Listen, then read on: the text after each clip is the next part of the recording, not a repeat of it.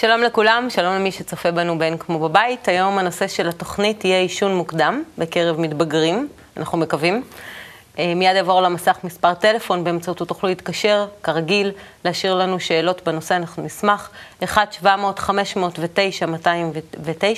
או tvstrudel.co.il. לפני שאנחנו מתחילים, נציג את הפאנל. לימור סופר פטמן, פסיכולוגית חינוכית ופסיכותרפיסטית. דוקטור ענת בוצר, מטפלת זוגית ומשפחתית, פסיכותרפיסטית ומטפלת באמצעות צילום. וגלעד שדמון, ראש תחום חינוך בבית קבלה לעם. אז הנושא שלנו היום, אה, כמו שאמרתי, הוא עישון מוקדם. אה, הלכתי לבדוק אה, נתונים. מוקדם מדי. מה? עישון מוקדם מדי. מוקדם מדי, כמובן. תמיד זה כנראה מוקדם מדי לעשן. נכון. ומצאתי נתונים, שזה מחקר שפורסם בגיליון יולי של פלוס ג'נטיקס, שמצביעים על כך שמניעת שימוש בטבק כבר בגיל ההתבגרות תהיה בעלת השפעה עצומה על הרגלי העישון בטווח הארוך. על פי איגוד הריאות האמריקני, קרוב ל-6,000 ילדים מתחת לגיל 18 מתחילים לעשן בכל יום, שזה ממש אה, נורא. כארבע וחצי מיליון מתבגרים בארצות הברית מעשנים סיגריות. אז כמו שאני אומרת, זה, זה נתונים שהם אה, מפחידים לכל הדעות. ורגע לפני שאנחנו מחפשים למתבגרים שלנו בכיסים, באנו לבדוק בעצם מה צריך לעשות בכל זאת עם ילד אה, שמעשן. אה, אם אה, צריך להפסיק, לחתוך את זה, או לתת לו בעצם את היכולת הזאת לבחור כבר בגיל כזה. ו... ואנחנו נתחיל מגלעד, ואנחנו נשאל אותך מה גורם לילדים לעשן. מה, יש להם בעיות בעבודה, משכנתה, מה? בעיות אין להם, אבל הם פועלים לפי חוקי הטבע, כמונו, כמו כולנו. וחוק הטבע הפשוט ביותר קובע שאנחנו, בני אדם, יצורים חברתיים.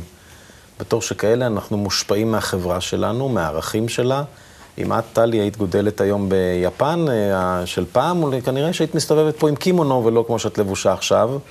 ואם אני הייתי אה, חי באיזשהו שבט אינדיאני, אני מניח שהייתי מעשן איזשהו pipe גדול, והתרבות שלנו היום היא כזו, שמשדרת לילד, למרות כל האזהרות וכל ההפחדות וזה, ש...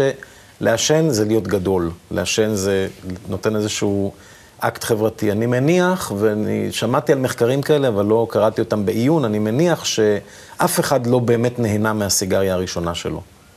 כך שאי כן, אפשר לומר, אי אפשר לומר שההנאה משכה אותו אל הסיגריה. הנאה מסוג אחר, המקובלות החברתית, ההרגשה שאתה גדול, הסיפוקים המשניים, ואחר כך זה כבר הופך להתמכרות, כמו כל התמכרות. גם אולי הפרסומות משפיעות מאוד. פרסומות זה גם סביבה. זאת אומרת, כן, אנחנו כיצורים כמובן. חברתיים מושפעים מהסביבה שלנו. איפה שתשימי אותי, כך אני אהיה, זה מה שיצא ממני בסופו של דבר. אין שליטה על זה. אותן תכונות שנולדתי איתן יבואו לידי ביטוי בזכות או בגנות או בגלל הסביבה שאני נמצא בתוכה. Mm-hmm. מה גורם בעצם לילדים לעשן?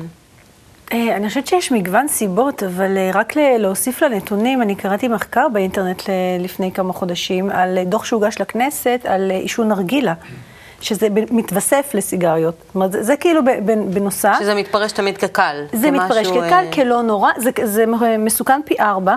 זאת אומרת, כל עישון נרגילה זה כמו ארבע סיגריות למעשה, ושלושים... איזה ארבע סיגריות? זה כמו קופסת סיגריות אומרים. בערך, מבחינת הכמות של, ה, של החומר הרעיל שבפנים, mm-hmm. משהו פי, פי ארבע זה נחשב, ו-33 אחוז פשוט אה, אמרו שהם אה, כבר מעשנים באופן קבוע, כהרגל וזה, 14 אחוז גם אה, מעשנים יחד עם ההורים, 22 אחוז אה, מעשנים באופן קבוע בסוף שבוע, זאת אומרת, זה, וזה הוגש לכנסת. וזה ילדים. וזה ילדים, וזה ילדים עד גיל 14.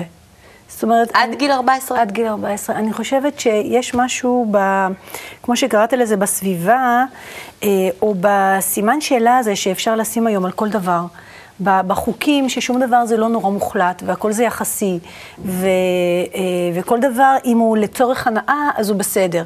כי אם יש כזה דגש על ליהנות ועל אה, כל מה שאני רוצה זה שהוא יהיה מאושר, אז איך אני אעמוד בפני הסיגריה שלו? ופה יש לי קונפליקט מאוד גדול של הורים.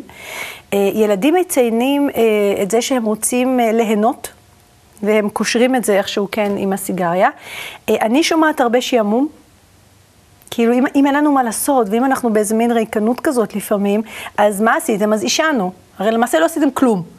אבל עישנו, כאילו, ברמה החברתית זה כאילו עשינו משהו. וזה יש לינק, לינק גם כן. לסמים בעצם. כן, שזה- ואז, נכון, נכון, הנרגילה הופכת אחר כך להרגל של סיגריות. כן. כאילו, זה כאילו נשאר טבעי הרגל של לעשות סמים. משהו. לסמים. לסמים. ואחר כך לסמים. כן, זאת אומרת, אחר כך רק מחליפים את מה ששמים כן, בנרגילה. כן, פה הרבה- את מה שמכניסים זה לא צעד פנימה. גדול. כן. בדיוק.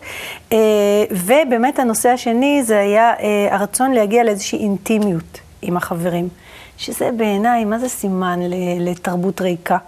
כי, כי אם אנחנו לא מצליחים לייצר אינטימיות אחרת, אנחנו צריכים את העישון ביחד בשביל זה, כי כבר אי אפשר כאילו ליצור איזה חיבור, איזה חברותה, איזה, איזה משהו שמאחד, אז אנחנו צריכים את הסיגריה ביחד, עמדנו ביחד ועישנו בחוץ, נורא עצוב בעיניי.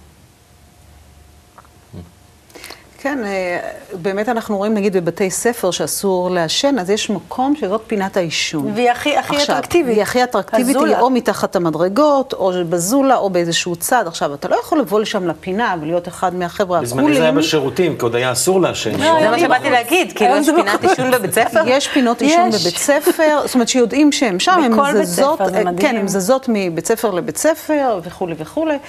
אה, ועכשיו מה, אני אבוא לשם לפינת עישון להיות עם החבר'ה, אבל אני לא אעשן, זאת אומרת, זה לא, זה לא קשור. או אם אני רוצה למצוא חן בין איזשהו בחור, או בחור בעיני בחורה, אז הוא יעשן כדי להרשים אותה. באותו, זאת אומרת, איזושהי אגודה. אה, ודווקא אני חושבת שבקטע הזה אנחנו צריכים אה, לחזק את הילדים, שאם הם רוצים ללכת לפינה הזאת על הכיפאק, תלכו ואל תעשנו. ותעמדו שם, תעמדו שם גאים כמו שאתם, יפים כמו שאתם, בלי ה... זה, ונראה מה קורה שם. השאלה כמה ילד יכול להיות באמת לא מושפע. נכון, אבל אני חושבת שאם אנחנו מחזקים אותו מהבית, את הביטחון שלו, אה, שיהיה מה שהוא, והוא לא חייב דווקא כל מיני מכשירים ארוכים בגילאים- כאלה. אבל בגילאים כאלה בדרך כלל חברה הרבה יותר דומיננטית מהבית. זה נכון, ולכן דווקא אני חושבת שהבית לא צריך להילחם בחברה, לא צריך להילחם, אבל לא לשכוח להמשיך לחזק את הילד, ולא להתחיל לבקר אותו על הקטע של הסיגריות, אלא להראות לו שיש לו אלטרנטיבה. אבל אני רוצה לציין רגע עוד משהו, היות ואני גם מתעסקת בגוף, המקום הזה של לקחת אה, את האוויר החם הזה, את העשן הזה, לתוך, זאת אומרת, יש, יש איזשהו חלל. ולילדים בגיל ההתבגרות יש הרבה חלל. יש חלל גדול. כי הם זורקים כל מיני דברים מהילדות שלהם או מהעבר שלהם, והם הולכים למקומות חדשים. והם ממלאים את החלל הזה נכון. עם האוויר החם הזה והמסריח של הסיגריות, או עם הארומה הנפלאה של הניקוטין. כל אחד שיתאר את זה איך שהוא רוצה. וצריך להבין שיש להם חלל, ואנחנו צריכים להציע להם איך למלא את החלל הזה בדברים אחרים, או בדברים נוספים. בלי דווקא להילחם בהם ראש מזה, זאת אומרת, לתת איזושהי לגיטימציה, אבל לעשות לה העברה למקום אחר. שני אפשר- דברים, כן. אפשר, אפשר למ- סתם, ספורט. ברגע שבן אדם נכון. הוא ספורטאי, ובאמת הוא שם לב שהסיגריות מפריעות לו. אם הוא רוצה להגיע להישג רציני, זה לא הולך ביחד עם סיגריות. אם נכון. נעודד אותם ל- לפעול פעילויות ספורטיביות, ובמיוחד פעילויות ספורטיביות של שילוב, של עבודה עם אחרים, גם לא יהיה להם זמן. אבל רגע לפני שאנחנו נותנים פתרונות, בואו נשמע את השאלות, ואולי אוקיי. נראה באמת את הכיוון של, ששלחו לנו. נעבור לכל שאלה תשובה.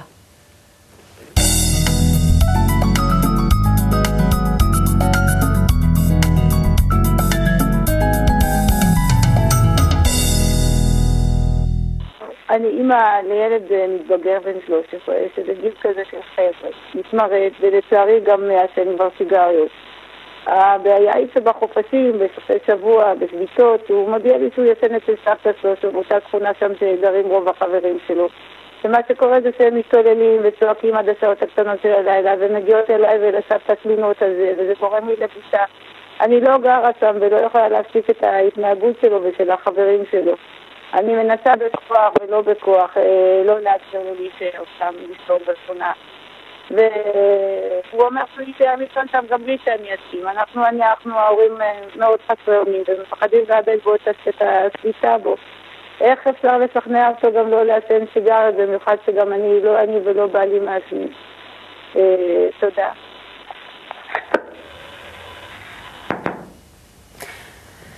זה כבר נשמע שאין שם את השליטה הזו שאנחנו זהו, זה ניסינו נשמע שהיא לדבר עליה. מפחדת, כן, שהיא מפחדת לאבד את השליטה, אבל חלק מהשליטה כבר הלכה לאיבוד, ומה שאני כן הייתי רוצה זה לנסות אולי קצת להחזיר את האופטימיות. כי כן אפשר לנסות לשלוט, גם בילד בן שלוש, לא לשלוט אבל לכוון, או להדריך, או, או לשמור, או לעצור. זאת אומרת, אם אנחנו נפסיק לעצור בגיל 13, יש עוד הרבה שנים ל- ל- למרוד. זאת אומרת, זה עלול להיות מאוד מסוכן. אני חושבת שכן אפשר להפעיל באיזה גבולות. אמצעים?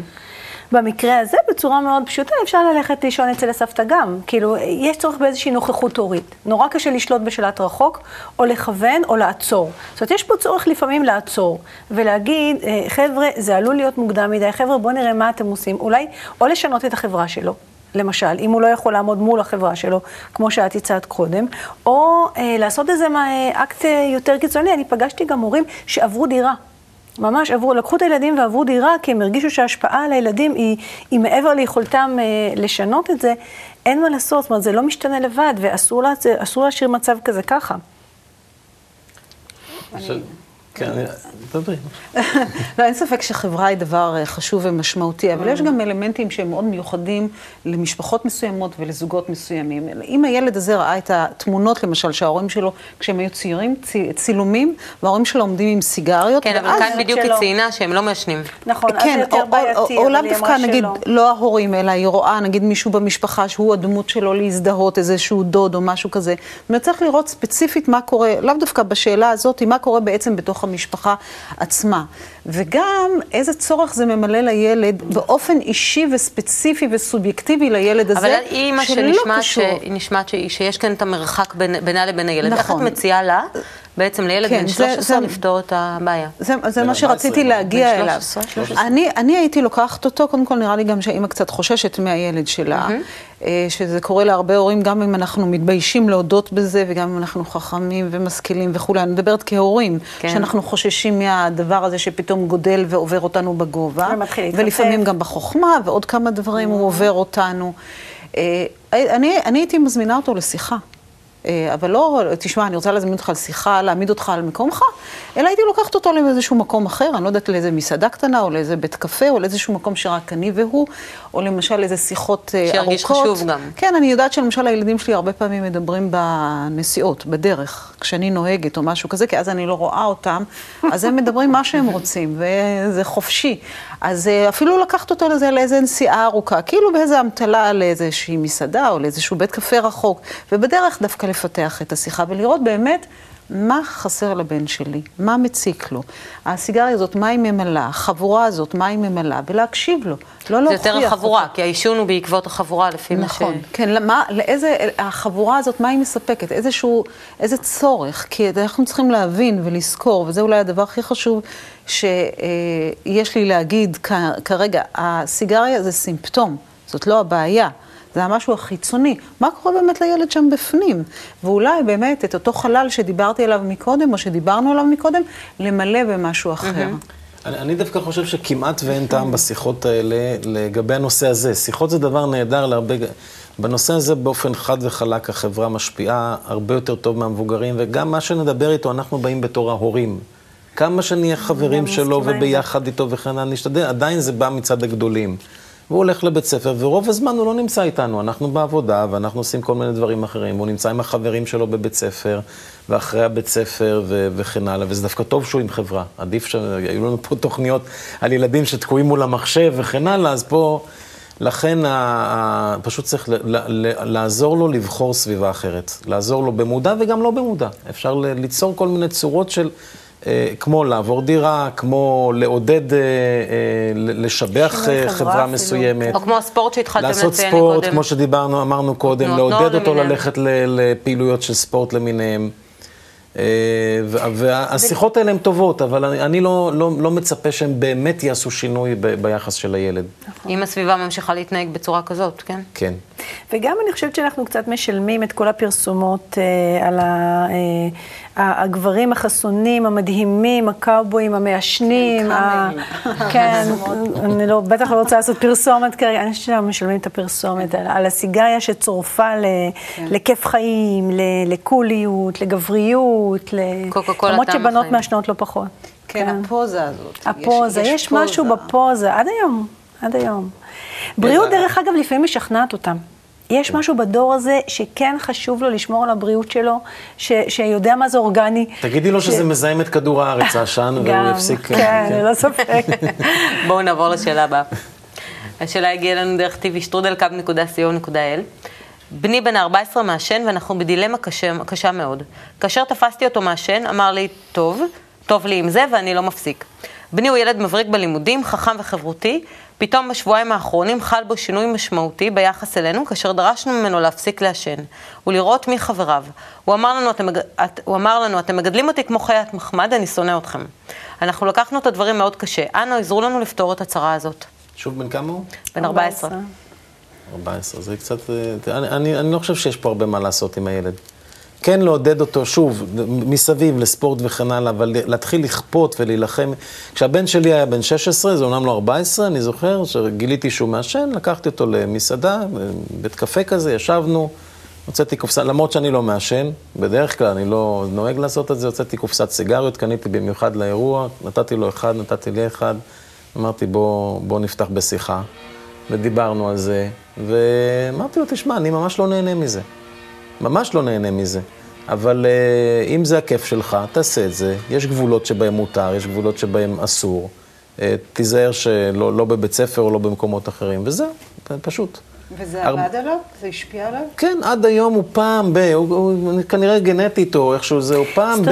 בא לו לעשן אז הוא מעשן. מה שעשית זה הוצאת את העוקץ. כן, אין פה, אין פה, פה במי להילחם, אתה מבין? אין, גם... אמרתי לו, אין פה, אתה רוצה סיגריה, בבקשה, זהו, אם, אם אתה חושב, גם פה, גם בסיפור הזה, אם, או במקרה הזה, אם אתה חושב שבעצם זה איזה מין אקט של עצמאות, שככל שתריב איתו, הוא רק יעשן יותר, וכאילו הוצאת את העוקץ ואמרת, אוקיי, אין בזה הרבה עצמאות, אני איתך.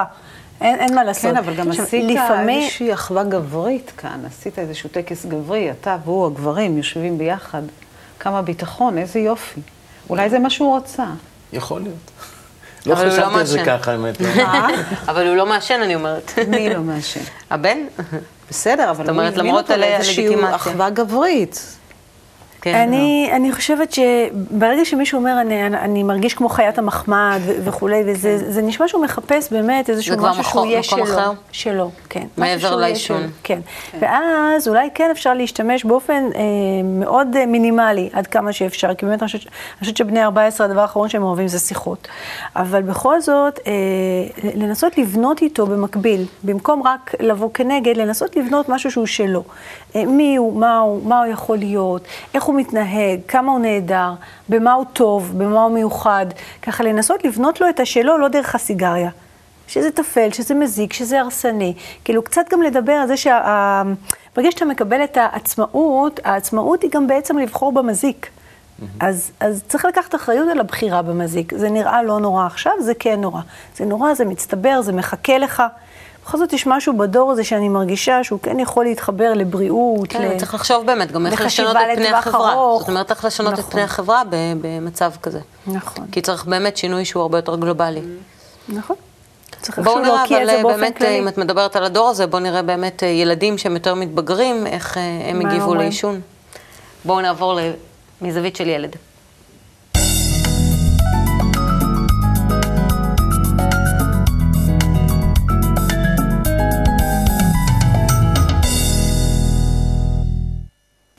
יצאנו לשאול אה, בני נוער על, אה, על עישון מוקדם. לא כל כך עליהם, לא רוצים בטלוויזיה לשמוע מי מעשן ומי לא, בואו נראה אותם. הילה, בת 17. רותם, בת 16. אני אילנה, אני בת 16 וחצי. קורל, בת 15 וחצי. האם נתקלת או שמעת בתופעה של ילדים מעשנים? אה, כן, נתקלתי בתופעה של אה, חברים מעשנים. אמ, כן, כל הזמן. זה התרחש, זה משהו טבעי. אה, כן, האמת היא שנתקלתי בזה גם בכיתה שלי, עוד מכיתה ז' בערך, אבל אה, ראיתי גם ילדים בני עשר. ולמה את חושבת שהם מעשנים? אה, משום מה יש תופעה מאוד מאוד לא ברורה, שלעשן זה מגניב, לעשן זה קול, זה חלק מהחבר'ה. מה משפיע עליהם? קודם כל, זה, זה החברה ש, ש, שמתחילה, ש, שמקבלת את זה כמשהו מגניב. זה, זה הדרך שלו להרגיש יותר בוגר, להרגיש יותר גדול. אה, אני חושבת שזה מתחיל בקטע של אה, פוזה וכאלה. האם את חושבת שהמבוגרים צריכים למנוע את התופעה? אה, אני חושבת שהמבוגרים צריכים למנוע את התופעה, אני לא חושבת שיש להם את הכלים לעשות את זה. בדוגמה אישית, אין, אין איזושהי דרך מסוימת ל... למנוע את התופעה הזאת, כי, כי גם אפילו מוכח בגנטיקה שיש גן התמכרות. אז אין, אין איזשהו אמצעי למנוע את זה. אז פשוט ליצור איזושהי מוסכמה חברתית שזה לא, שזה לא דבר טוב, שזה לא תקין. אני לא חושבת שיש משהו שאפשר לעשות. הנוער לא כל כך מקשיב למה שאומרים לו כבר. ואם היית הורה איך היית מטפלת בבעיה באופן אישי, אם הילד שלך היה מעשן? אה, כפי שאמרתי, אני מנסה להבין את הטריגר, את הגורם, למה, למה הוא מעשן, מה, מה חסר לו? אה, יהיה לי קשה שילד שלי ככה, אבל... והייתי מנסה לדבר איתו, לראות מה, למה, איך זה קרה, מה, קש, רע לו, קשה לו, אני פה לעזור לו. אבל חוץ מזה אין משהו שעוד, שאני עוד יכולה לעשות.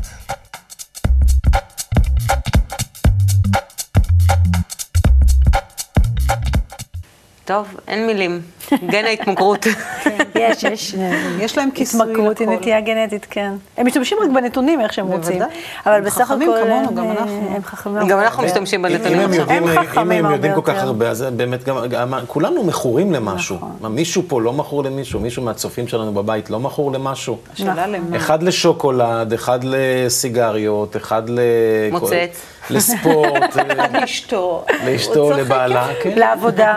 כדאי ש... לעבודה. נכון. נכון.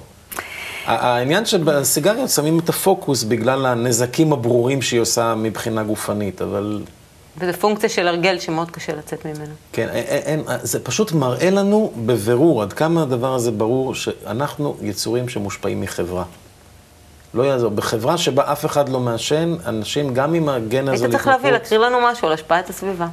אה, כן, יש המון דוגמאות שמקובלים אה, מתארים בהם את זה. מסופר על אותו רבי יוסי בן קיסמא הגדול, רב ענק, שאמרו לו, בוא תהיה פעם אחת בעיר שבה אין אנשים שרוצים ללמוד את מה שאתה רוצה, והוא אמר, אני לא מוכן אפילו יום אחד. אז שאלו, איך יכול להיות שהוא כזה גדול? איך, איך הוא ויתר על זה? הרי הציעו לו המון דברים בתמורה. הוא אמר, ואז מפרשים את זה, בעלי ה...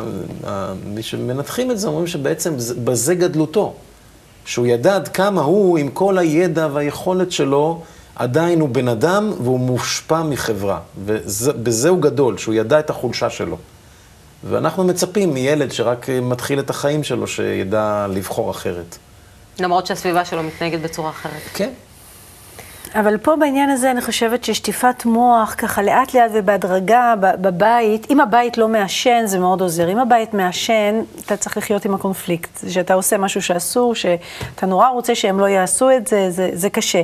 אבל אם הבית לא מעשן, אני חושבת שיש משמעות לשטיפת מוח, לזה שתנסה אבל זה מגעיל, תנסה זה הורס, תנסה זה מסריח, כאילו, באמת, להגיד את האמת בפנים, זה, זה ממש לא הבעיה היא בדרך כלל. שהורים שהם לא מעשנים, הם בדרך כלל מאוד אה, מתנגדים ל- למצב הזה, לבוא ולהגיד תנסה, תעשן. כן, זה מצב כזה של, שאם צריכים- לא בן נורא, אדם עצמו לא לא נורא. מעשן, אני, כשביקשתי בגיל חמש, נתנו לי לנסות.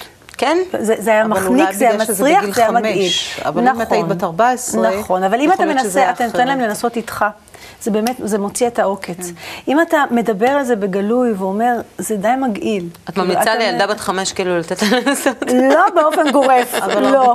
אל אבל לא. לפחד מזה, לא לפחד מזה, זה מגעיל, זה, זה, זה לא משהו, המסתוריות, המים גנובים הזה, הופך מסיגריות משהו אני, שהם אני לא. ראיתי פעם רופא, מנתח, שיצא מניתוח שבו הוריד ריאה. שכולה סיגריה. אה, גוש אחד של, אה, של זפת. אפר, כן. יוצא החוצה להפסקה, יוצא. ליד החלון, מדליק סיגריה ומעשן, ואז אמרתי לעצמי, כל ההסברים השכליים וכל זה נכון. פשוט לא עוזרים. כן, אבל יש בסיגריה כל הזאת, התמונות על אסור לנו לשכוח, זה גיל, גיל ההתבגרות, התחלת גיל ההתבגרות. זה טוב, טוב שזה סיגריה ולא משהו אחר, וזה צ'אנס לדבר עם הילד שלנו. אותו ילד שאמר שם שהוא חיית מחמד, מה שחשוב זה החיית מחמד, זה לא הסיגריה. נכון. איזה יופי שיש סיגריה שדרכה אפשר, או יכול לדבר איתו שהוא חיית הייתי מחמד. נותן לו בונזו ואומר, לא נכון, בכלל היחס לא... אז הוא אפילו יגיד שהוא אפילו לא חיית מחמד, הוא יתוש. בואו נשמע את הטיפים העיקריים שלכם. נעבור לפינת הטיפים.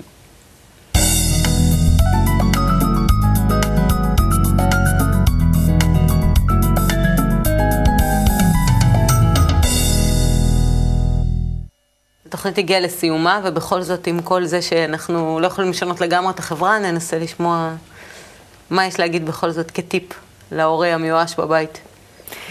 אני חושבת ש...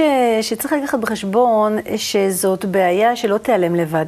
לצערי, גם עלולה לה- להתפתח, ולכן כדאי ככה כן אה, להיות מוכנים להתמודד איתה. דבר ראשון. דבר שני, אה, באמת לחזק מאוד מאוד את היכולת לבחור. כי אם אתה יכול לבחור, אז אתה גם יכול להגיד לא. להרבה מאוד דברים בגיל הזה, למעשה אנחנו נשענים על, על מה שהם יודעים לעשות לבד כבר, כי אנחנו לא שם. אנחנו גם בהשפעה, ככה, מה שבנינו, אנחנו כבר לא פונקציה באותו גיל. הדבר השלישי שאני חושבת שאפשר לעשות, זה כן לייצר איזה שהם גבולות, במובן הזה של לא הכל מותר. גבולות ולא... פלוס לגיטימציה, זה כאילו משהו מעורבב כזה לפי מה שהבנתי מהתוכנית. כן, אבל לא, לא לגיטימציה לעשות כל דבר ובכל גיל כן לעמוד על שלך שזה מזיק, שזה הרסני, שיש לך את החופש לבחור הרבה דברים טובים, למה אתה חייב לבחור משהו שהוא כל כך גרוע? ולהקשיב, להקשיב מה עומד מאחורי הסיגריה. בעצם אם זה הרצון להשתייך, או אם זה החברתיות, או... ולנסות, אם, יש צורך, אז להחליף את החברה, במקרה הכי גרוע. אני אגיד בקיצור, קודם כל זה לא טרגדיה. הדבר השני, טוב שזה זה ולא דברים אחרים. והדבר השלישי, זה אולי, כן, אני אופטימית, אבל זה עובד. האופטימיות הזאת היא לא נגטיבית. אה, לא צריך להיות אוויל, אבל זה טוב להיות אופטימי, כי זאת בתפיסה שלי. והדבר הנוסף זה אולי לצחוק על הסיגריה הזאת. או לעשות כל מיני קטעים בבית, אם להורים יש באמת הומור בבית על הסיגריה הזאת או על זה, ואז הוא יראה את האבסורדיות שבזה. זה מעבר לדברים שאת אמרת שאני מסכימה עם כולם, אבל זה עוד איזשהן גישות שהן אולי יותר אבסורדיות ופחות. כן. כן, כל אחד באיזושהי דרך אחרת, אבל בלי להשפיל אותו, בלי כן. להשפיל אותו. הם מבינים, הם חכמים, הם רואים, הם יודעים למה הם עושים mm-hmm. את זה. Mm-hmm. כן. אני חושב שזאת הזדמנות נהדרת, הסיגריה, באמת לתפוס אותה כמקפצה ולהסביר, להדגיש ולהדגים בפני הילד עד כמה הוא מושפע מהחברה שלו. כי זה עיקרון טבע שילווה אותו לאורך כל החיים שלו, לפחות שיראה דרך זה, וכי אפשר לדבר איתו, וכולנו יודעים כמה, וכולנו קוראים כמה זה מזיק, וכמה זה עושה, זה, זה פוגע בך, באלה שמסביבך, עישון פסיבי, אלף ואחד מחקרים, הילד יודע את זה. לקחת את זה כנקודת מוצא ולראות, תראה, אתה בסביבה שבה מעשנים, אתה נכנס לתוך הבוץ הזה, את המחיר אתה תשלם, כולם מסביבך ישלמו, אבל uh, תראה עד כמה אתה מושפע מהסביבה שלך. עכשיו תבחר, אתה רוצה משהו אחר? אתה רוצה לצאת בזה בכלל? לא, תישאר שם. כן, אתה צריך להחליף סביבה. זה מזכיר לי משהו שהזכרת לי, שהפך להיות לי מאוד מאוד לגיטימי, שזה דווקא היה באמת אה, אה, סמים. כשטיילתי אה, בהודו, אז בחודשיים הראשונים זה היה נראה לי משהו מזעזע, ואיך שכולם עושים את זה. ואחרי חודשיים, כל פעם שאנשים הוציאו אה, אה, סיגריות ועישנו, וזה היה סמים, זה היה נראה כמו משהו לגיטימי מסביב. אוי ואבוי. זה באמת אוי ואבוי, אבל זה ממש המחיש את מה שהוא אמר עכשיו. כן. עוד מעט אנחנו נסיים את התוכנית, נצא לאיזה הפסקת סיגריה בצד, ו... הפסקת שוקולד. אל תנסו את זה בבית. תודה רבה לכם, התוכנית הגיעה לסיומה, אנחנו ניפגש בתוכנית הבאה. תודה וכל טוב.